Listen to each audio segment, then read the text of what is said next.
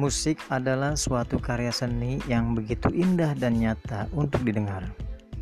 Bagi sebagian orang, dapat memainkannya begitu piawai karena merasa senang dengan memainkan alat tersendiri seperti gitar, bass, drum, piano, biola, bahkan alat musik lainnya. Saya akan bertanya kepada para penikmat musik seberapa besar dan seberapa paham mereka mengerti akan cara bermain musik dan cara menikmati musik dengan begitu indah.